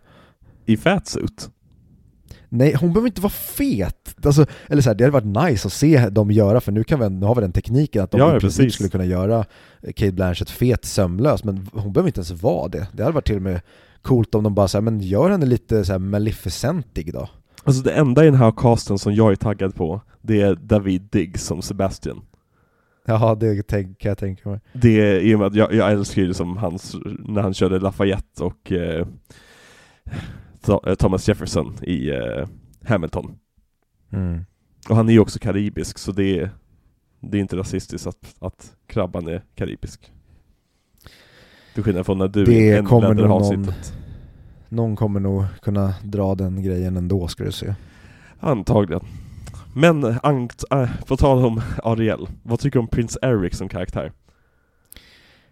Jag tycker väldigt, väldigt, jag tycker väldigt, väldigt lite om honom för att han är så himla platt. Ja, Men jag tycker väldigt mycket, och som jag sa, att det är samtiden som har skadat mig. Här har vi ju en så här, inom citationstecken, feministisk film där kvinnan är den liksom, hon som driver framåt och vill någonting och gör någonting och mannen är nästan lite som ett våp känns Ja, det som stundtals. exakt. Och jag älskar när han står mitt i stormen och spelar sin flöjt i sin kappa och alltihopa. Det är, alltså, han, han är ju så som, som att någon beskriver en tonårskärlek som en, en 15-årings våta dröm liksom. Mm. Eh, Men han, jag tycker han, det märks på, på Eric att han inte bara tycker om henne på grund av hennes looks när hon är stum, utan även på grund av att hon har, verkar ha en vänlig personlighet och att han liksom tycker om henne. För att han, han ja, och hon nästan- är kul. Ja men precis, jag tror att han, han det finns något ögonblick där han typ nästan lite uttråkad eh, eh, Nej, nu, nu kom jag av mig helt, så jag minns inte vad jag skulle säga. Men jag tycker det är intressant hur han liksom inte, de skulle så lätt kunnat gjort honom till en fuckboy, lite grann. Och jag är lite rädd att de kommer göra det i, i remaken. Ja, jag tror tyvärr att de kommer modernisera skiten ur den här storyn och inte våga göra den vad den faktiskt är här, för det hade Ja. varit så jäkla... Det känns som att nu, nu har ju liksom Disney, de har ju byggt sitt enorma fort så att de har alldeles för mycket, de, de, de är too big to fail helt Ja. enkelt. Men hade de fortfarande bara varit Disney, då hade ju de varit på, varit på väg nu rakt ner i sin, alltså då, då är de ju inne i sin dark age när det kommer till deras. Disney-Disney-grejer. För det som de håller på med just nu, det är ju ett skämt. Alltså de, de har ju liksom, de har den här woke-sjukan på schack just nu och allting som ska göras remakes på, det gör de ju om det fast de bara gör det sämre by miles. Ja men det, det är som att de ibland inte riktigt förstår vad som gör så, så att saker och ting funkar i deras egna filmer. Ta bara Mm. den saken som, och nu sagt, nu har inte filmen kommit, nu har vi inte sett den, den kanske är skitbra, men jag tror inte det. Och jag tror att just den här punkten som kommer vi prata om just nu, att det kommer vara en stor del av det. För Ariels morsa kommer vara med i filmen. Eh, Okej. Vilket jag tycker förstör hela Tritons karaktär. För att då, då alltså, med, i och med att morsan är död så förstår man att Triton är otroligt överbeskyddande av Ariel, som är den yngsta, yngsta dottern. Ja. Det är liksom hela, hela anledningen till varför han är så arg och skrikig, och sen direkt när han går därifrån börjar ångra sig och typ ser ut att vilja, vilja gråta liksom.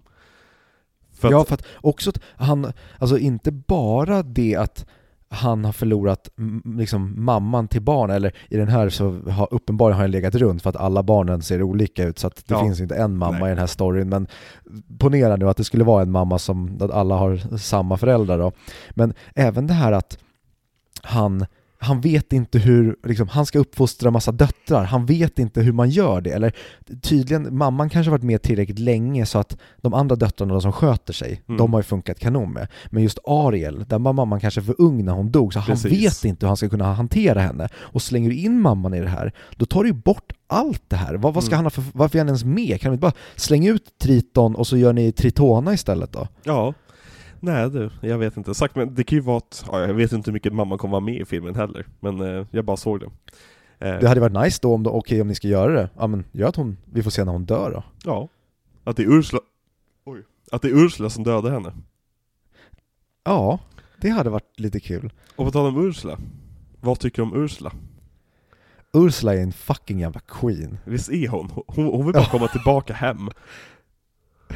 Hon är så, alltså jag älskar, och det, fan, det här med liksom idag när, när all, vi pratar, och jag vet själv hur skadad jag är över det här när jag klagade på det till exempel i Titanic, att jag tyckte så här, men kanske Cal, han kanske är lite för svartvit, vilket jag sen fick liksom käka upp, men det här idag när alla skurkar ska vara så relaterbara, och det vet jag själv att jag alltid har liksom tjatat om under de senaste tio åren, att säga, men den här skurken var bara ond och det funkar inte, men jag är så glad att se de här Disney-skurkarna bara var onda för ondskans skull och bara var egoistiska. De har bara ett mål för att de vill liksom Ja, jag blev förorättad, eller jag är avundsjuk bara. Det behöver inte vara ja. någonting där vi ska kunna förstå skurken, utan det är bara så här, ja, du tycker det här, vi håller inte med. För att det är saga. Vi. Det ska vara moralisk ja. tale bara. Ja. Det är som, hon är, alltså Ursula är ingen riktig karaktär, utan hon är ju bara ett, ett, ett obstacle för Ariel att ta sig förbi. Mm i storyn. Och det, jag, jag, jag älskar Ursula, jag älskar den här som nästan drag queen-viben man får av henne. Eh, för ja. hon är ju baserad på Divine som är just, eh, var just en drag eh, vad heter det, drag show artist. Ja, hon är så butch och jag älskar det. Ja, nej men verkligen. Jag, jag gillar hur de vågar göra henne liksom ful, men som en dam som en gång i tiden säkert var jättevacker. Men så har hon bara gått ner sig totalt, men har fortfarande samma sminkning som i sin ungdom. Jag tycker det är helt underbar karaktärsdesign, och hennes liksom, tänk ten tentakler som, som slingrar sig över rummen och allt sånt där. Ja, och, och mot slutet, alltså när hon blir cracken, jag älskar ja. det. Hon, och jag hade glömt hela den delen, eller mm. sagt inte, liksom, jag har inget minne av att jag har sett det, men där kände jag verkligen oh what the fuck, hon kommer destroy the whole fucking planet här. Hon är ju hur läskig som helst och sen bara hur hon blir dödad är ju så jävla episkt. Exakt, och hela det här med att hon ville ha Tritons krafter, det är ingenting som har satts upp tidigare. Men när de avslöjas känns det som, ja men det är klart det var det hon var ute efter. Liksom, vad ska hon med Ariels röst att göra? Liksom? Ja, ja men precis, att hon har, hon har en grander scheme på gång, men hon behöver inte trycka upp det i vårt ansikte varannan minut. Nej, precis. Vilket jag misstänker hon kommer göra i remaken, om och om och om igen. Ja, då kommer förmodligen hennes motivation vara att typ Triton låg med henne när de var unga och sen så dumpade han henne, eller och han är en uh, vit gräslig cisman och förtjänar all skit. Ja. Sebastian då? Åh, Sebastian! Exakt. Vad tycker du om Sebastian? Mindre irriterande än vad jag minns honom, jag tror ja. att han är mer irriterande i serien, det är nog därför. I serien så blir han ju väldigt mycket Sasu och liksom, vad ska man säga, Jago över hela. Mm eh, Verkligen. Här så är han, han, är ju, han är otroligt rolig och otroligt välanimerad. Jag tycker det är kul hur, ja. hur liten han är. Att de får ut mycket humor ja. ur, ur hans liksom, litenhet. Ja, och just nu ser jag på tvn här, det är när han har sin första battle med kocken, det är Ja. jätteroligt. Ja men det, och jag tycker de lyckas få ut väldigt mycket så här physical humor av honom, och även när han ska prata och liksom dra skämt och ja, Alltså för mig är han nästan min MVP, men MVP och sånt det kommer vi komma in på, men det, jag tycker väldigt mycket om Sebastian och jag trodde inte jag skulle tycka om honom så mycket. Nej, inte jag heller. Det är jätte... Och, och i den här, det, jag påminns om det här, ja men nästan som, eh, nu är vi inpräntade med Kalanka på julafton jämt, men det här när inte saker går ihop, för att det är tecknat, då kan du ta dig friheter till exempel, om man, man, man, går, man går ut ur bild till höger, och sen kommer man tillbaka in i bild från vänster. Ja, inte för att det funkar i verkligheten, utan det är ett roligt gag, och det görs jättemycket i den här filmen, liksom att om man slår någon i, i pannan så um, ramlar tänderna ut. Exakt. Ja men så det är cartoon-logik i det hela. Ja, och det, det spelar de jätte, jättebra på i den här. Ja. Som typ när hon, eh, ja men när de sitter och har måltiden och Grimsby ska käka Sebastian och när hon ser gaffen och liksom Exakt. fixar med håret och sen när hon skjuter ut tobaken eller röken i ansiktet på Grimsby så han blir helt skitig. Sådana där grejer gör de ju jätteroligt. Mm. Och med kocken är det väldigt mycket physical hu- humor också, såklart. Ja, Eh, Grimsby, jag älskade Grimsby också. Jag tycker han, jag gillar sådana karaktärer som är som så här, ha- han är ju människoversionen av Sebastian. Ja, och jag tycker så himla mycket om de karaktärerna i de här Disney-filmerna. Jag, jag såg om nyligen Aristocats Mm. och där har du ju Edgar som Mhm. kommer. Och han är, så, han är ju så halvdement och när han, nej inte Edgar, Edgar är ju eh, bad guyen, eh, gubbjäveln. Eh, och vad fan heter han? har ju något franskt namn, typ Jacques eller någonting.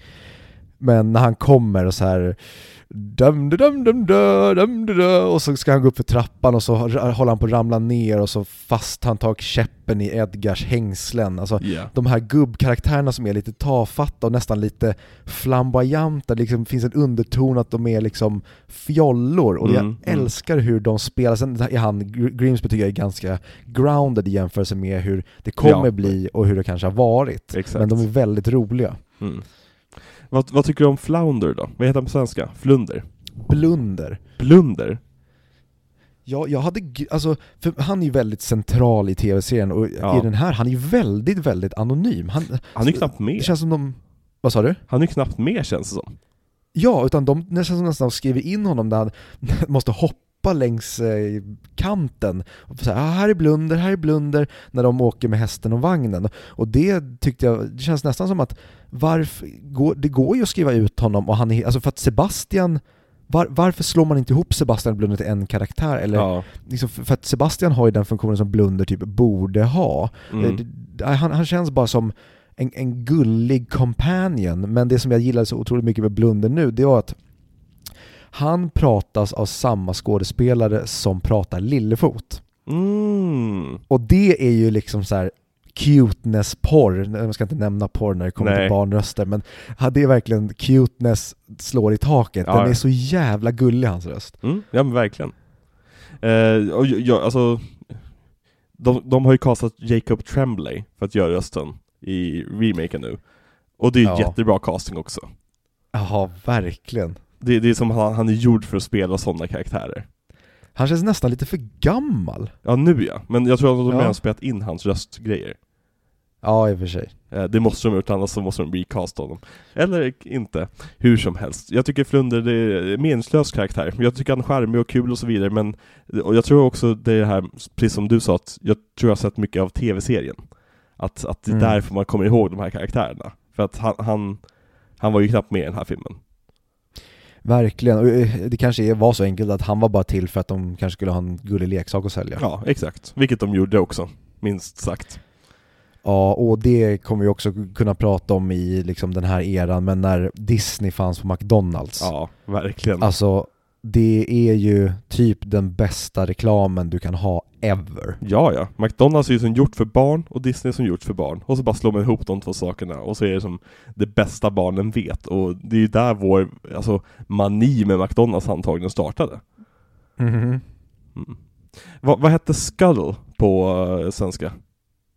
Han Vem måsen? Eh, Mozart. Mozart! Åh gud, jag älskar det! Det är skitbra ju! Ja, det är jätte, jättebra. Det är, Ja. Och det är också, det kommer komma in på, alltså hur Sverige hanterar Disney-filmerna under framförallt 90-talet Mm. är, det, det är nästan så att när man pratar om vad, vad Sverige ska vara stoltast över i världen, då är det hur vi kunde konvertera Disney-grejer till svenska, för det Mm. gör vi verkligen i perfektion. Exakt. Och både bröderna Dan och Anders Ekborg fick göra röster, eh, enligt eh, en podcast jag hörde förut. Mm, kanske. Nej, var en av dem, för jag hade fel. Jag hade jättemycket fel.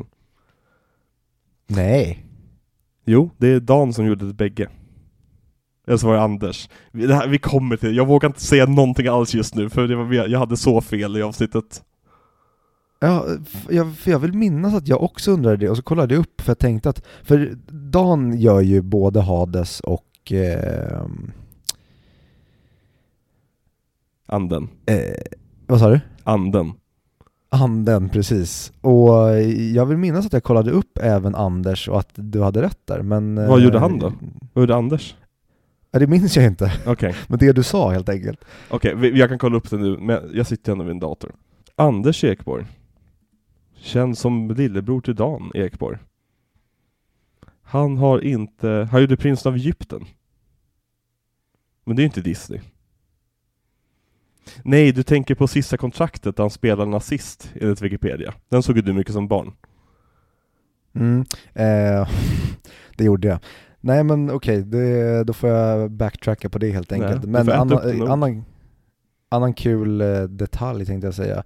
Jag fick idag eh, en försenad födelsedagspresent av min eh, vän. Jag kommer inte outa hans namn för inom en snar framtid kanske det är brottsligt. Mhm. Men han hade skickat efter en födelsedagspresent till mig. Vadå? Och idag fick jag den. Och det var en av de mest kända verken som någonsin har skrivits. Ja, just det. Jag, jag såg din snap. Mm. My struggle, Ja, my battle, Okej, ska vi... mein Kampf. Ja. Det är så jävla roligt att jag har fått en kopia av Mein Kampf och jag vet inte vad jag ska göra med det för det känns som att jag just nu sitter på 10 000 ton kokain här i min lägenhet så att Mm. om polisen stormar in här då kommer de sy in mig direkt. Ja, verkligen bara ryska böcker och Mein Kampf. Först bara Dostojevskij, Dostojevskij, Adolf Hitler, ja, eh, du är ju en, det är på grund av dig som Trump vann valet, okej? Eh, för att byta samtalsämne.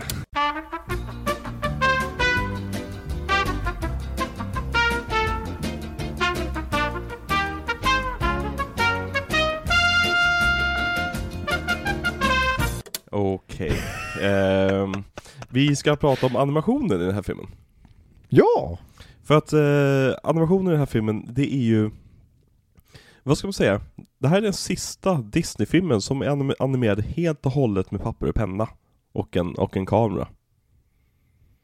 Mm. Förutom vissa scener, som är gjorda i CGI. Till exempel när Ariel springer ner för trappan. Ja, just det. Mm. Eh, och lite sånt där. Men överlag så, vad, vad tycker du om anim- animationen i den här filmen? Eh, jag tycker att det är väldigt, väldigt charmigt för det känns som gamla Disney här. Mm. Men jag längtar efter att få se nya Disney. För Mhm. det är där jag tycker det är peak hur Disney animerar. Där det känns fortfarande som Disney-Disney, men allting blir mycket, mycket mer levande. Här känns det mer som tavlor. Ja. Sen får vi en mer, det blir mer levande filmiskt framöver. Du, det är ju en väldigt, väldigt vacker film om man säger så. Alltså tavelmässigt. Eh, det finns ju väldigt många miljöbilder som jag skulle vilja ha nästan som tavlor. Ja. Eh, jag, jag tycker animationen i den här är jättecharmig. Alltså bara hur hon lyckas få Ariel att se ut. Hon är så, man, man blir kär i henne så fort man ser henne. Och ja, jag vet att hon är 16, jag menar inte på det sättet. Jag menar liksom, hon, hon lyckas få fram så mycket själ i det här liksom, karaktären. Det är ju, alltså hade, inte, hade hon sett ut som Ursulas eh, snygga version, då hade den här filmen fallit platt. För då Ja. hade hon bara sett ut som Törnrosa och alla gamla liksom, trista Disneyprinsessor. Utan det tror jag kan vara en jättestor faktor till att den här går hem. Det är för att hon just är så himla, himla... Hon har en så, så otroligt mycket karaktär. Ja men hon blir ju ikonisk på en gång. Alltså, Mm. i och med att, alltså bara, bara det att vi, det tar lång tid innan vi ens får träffa henne i filmen. Och sen har vi ett, som ett presentationsnummer där hon inte dyker upp. Och sen när hon Mm. väl dyker upp så är hon Not like all the other girls, så att säga. Och, och har en jättevacker låt om hur hon bara vill vara en del av vår värld. Det, det, det är ju som gjort för att man ska bli som förälskad i karaktären. Och jag tycker att de Mm. lyckas med så jäkla bra. Verkligen, verkligen, verkligen. Men äh, angående en annan karaktärs animation, Triton tycker jag är jättehäftigt animerad. Ja. Om det inte hade varit för hans gigantiska bröstvårtor. Men jag vet inte, Det de gör honom mer pappig på något sätt. Ja, verkligen.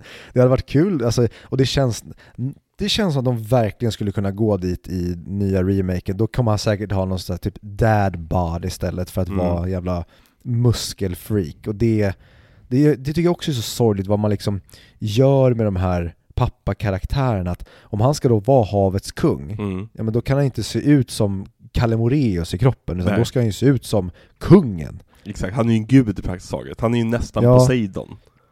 Skulle man göra Mufasa i den här live action Lejonkungen, skulle man gett honom en tjock mage? Nej, det går inte. Då skulle de bara filmat eh, James Earl Jones som han är. Exakt, ställ honom på alla fyra och sätt på honom en peruk. Ja, det var bra att du sa en peruk, för annars hade jag varit arg på dig igen. Som jag alltid blir när du går över gränsen.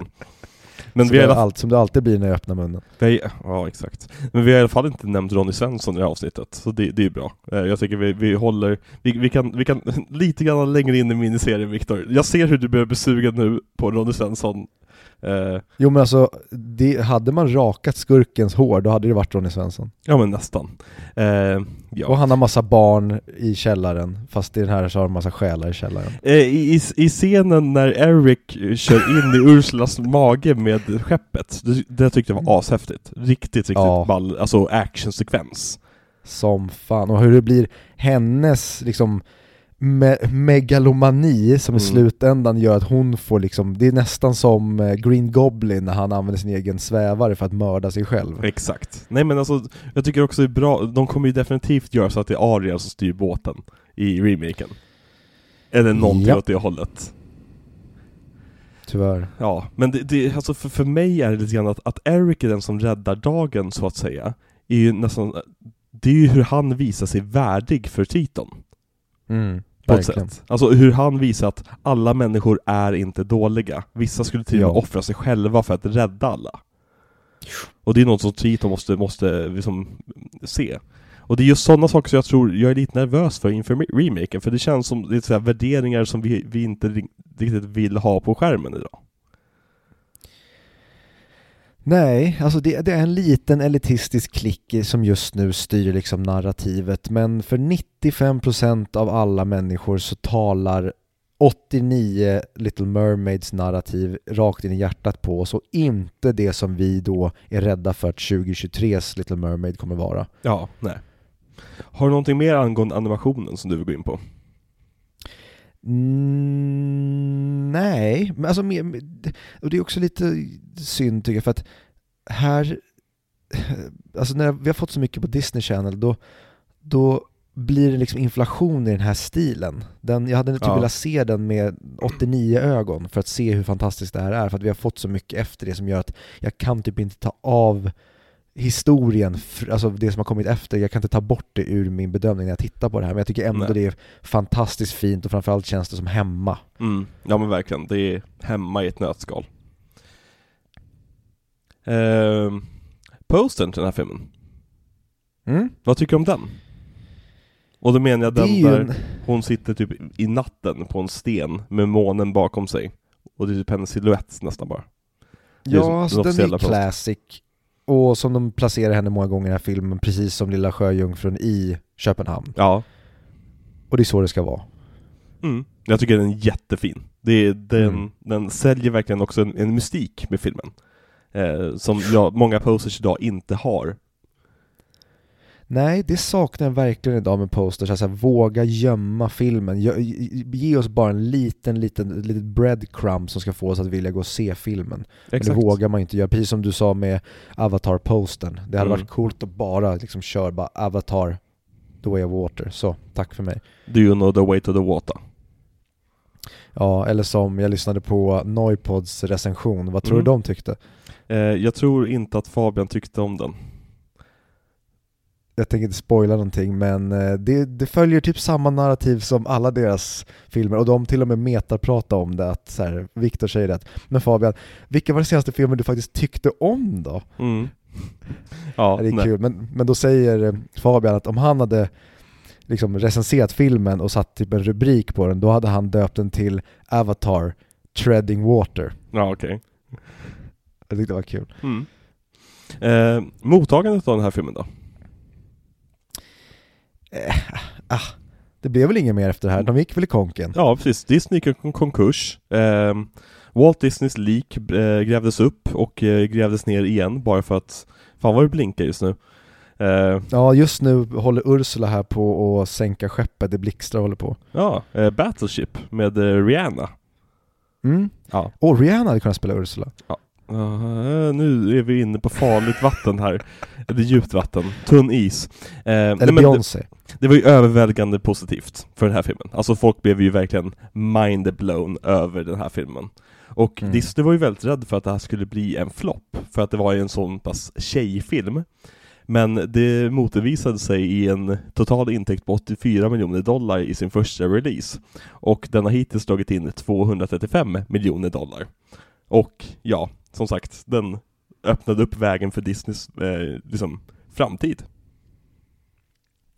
Ja, och det är väldigt kul som du nämner att det fanns en väldigt stor oro för den här filmen att man, man ville egentligen göra den mindre tjejig för som du säger, man var rädd för att den skulle vara alldeles för tjejig för att den skulle funka. Ja. Och det var till och med nära att de till och med klippte, ehm, ja vad heter den på engelska?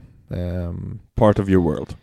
Exakt, Ja. från filmen för att de tyckte att den typ var lite, äh, den är lite långsam och lite trög. Ja men exakt, och det är så här, och de hade ju det eh, på sin första testvisning, så, så eftersom barnen började skruva på sig lite grann där eh, så kände de att nej, men, nej, men då, då kommer inte det här funka och de, det var ju, jag för mig att det var Ashman som gick in och sa det som, "Eh, om ni klipper bort det här så kommer jag hoppa av filmen. Alltså ni är dumma Mm. i huvudet om ni klipper bort den här. Och det, det, det var ju typ den filmen som gjorde film, äh, scenen som gjorde filmen så pass känd.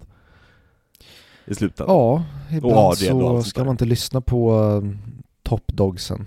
Nej, man ska ju inte göra det. Eh, för den här blev ju också Oscars-nominerad i väldigt många kategorier. Eller i två kategorier, ska jag säga. Nej, den blev nominerad i tre och vann två va? Den var nominerad i två kategorier, men två stycken eh, nominerade i samma kategori. Så den var Mm. först Best Original Score, eh, som Alan Menken då vann. Och sen hade de två stycken i Best Original Song, och det är Kiss the Girl och Under the Sea. Vilket är intressant att Under the Sea var den som vann bästa eh, låt-Oscar det året. När Mm. Part of Your World bara finns där på bordet. Ja det är väldigt intressant, det är nästan som när vi pratade Tom Ford liksom, varför man inte tog med Jake Gyllenhaal i um, Oscarsracet för Nightcrawler eller för um, Mm. Nocturnal Animals. Verkligen. Eh, men den här blev ju också inte bara en succé när det kommer till biopengar, utan även på VOS och franchising just, alltså leksaker, ryggsäckar, tecken, posters, planscher, CD-skivor med soundtracket. Som alla, alla ung, ungdomar, speciellt tjejer, ville ha Ariel-saker. Mm. Och det är som, det var ju där Disney någonstans insåg att vänta, vi tjänar mycket mer pengar på att sälja prylar än att göra filmerna egentligen. Filmerna ska ju bara vara liksom marknadsföringsploj för prylarna. Ja men det är, det, det är nästan som en förlängd version av de här uh, 90-talsreklamerna vi hade liksom att så här, Nu, nya Spiderman! Som kan svinga sig från hus till hus! Och så ser man hur man har gjort lekt med leksakerna, det är bara det är en trailer för att du ska gå och köpa leksakerna. Ja. Och jag saknar gammal lek leksaksreklam. Jag med, som fan, det var så, åh, mm, det var så jävla nice. Jag såg ju Madagaskar 3 i helgen. Jaså? Ja, den var en, nästan en antifilm i hur lite film den var. Och då var jag så glad över att sen se, att, att ha sett Little Mermaid till, till bagaget, för jag blev så här, gud animation, barnanimation alltså. Ja, Mm. yes. Ska vi gå in på betyg? Ja, eller vi kan ju nämna det innan att Mm. det är ju jävligt intressant, den här filmen är en timme och en kvart. Ja. Det är underbart tycker jag.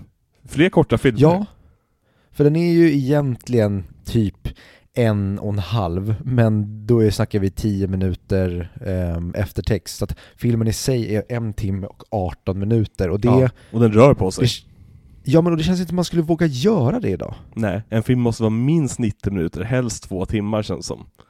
Ja. Nästan alla de här animerade filmerna som kommer idag är just två timmar långa. Mm. Mm. Men eh, ja, eh, mitt betyg på den här filmen är tre och en halv. Av fem. Okej. Ja, eh, jag sätter en, eh, en eh, straight up 6 av 10, en 3 av 5. Mm. Så samma betyg då, praktiskt taget. Ja, i och med, ja precis, i och med att vi värderar det olika. Så det, den är liksom, den är mer än godkänd. Det, det är Ja. en bra film, men jag tycker abs- alltså den var mycket mindre bra, om man ska säga. Den var inte lika bra som jag trodde att den Nej, skulle vara. Jag trodde jag skulle bli mycket mer mesmerized av den. Verkligen, det var lite grann det den föll på för mig också, att jag trodde att jag skulle vara hänförd av den på ett annat sätt. Men Mm. det var lite så här, så här okej nu kommer det här, jaha, då kommer det igen det där, ja, och nu är den över. Ja, det var en liten oskyldig liten film liksom.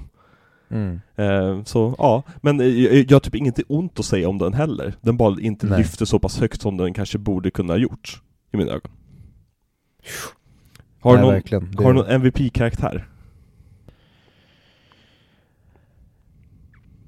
Ja men jag tycker fan Ursula, hon levererar. Mhm. Alltså jag måste ju vara tråkig och säga Ariel. Ja, men jag är med dig där också. Trit, alltså alla gör ett så jävla Ja. bra jobb. Alla gör bra. Har du sett Triton i andra filmer?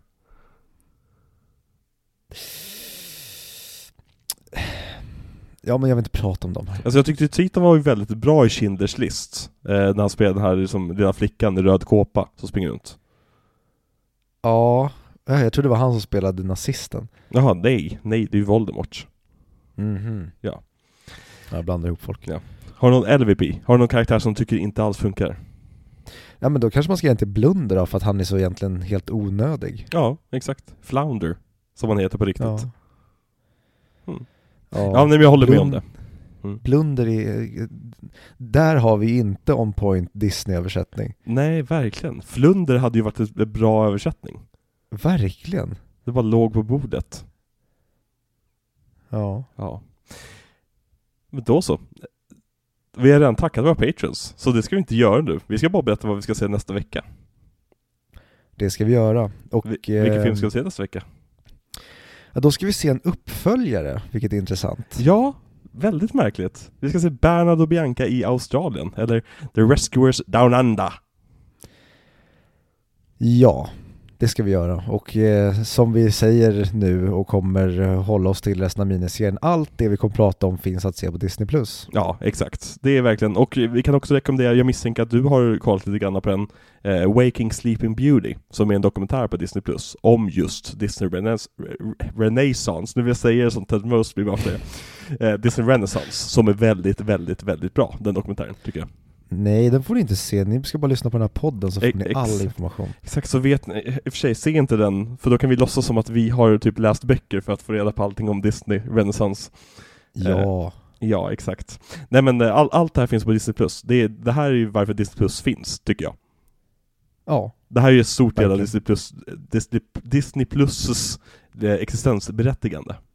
mm. Att alla de här klassikerna finns. Mm.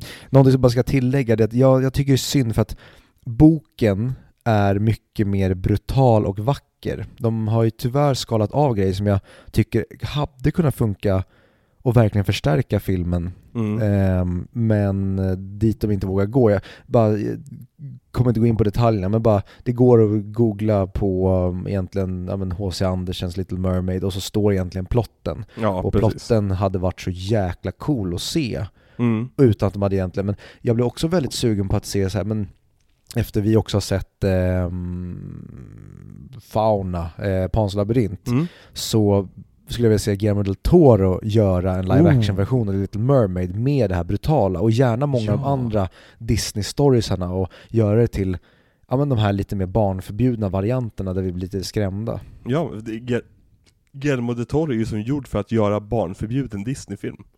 Ja, Verkligen. Mm, verkligen. Ha, har vi något ord på H att avsluta det här på?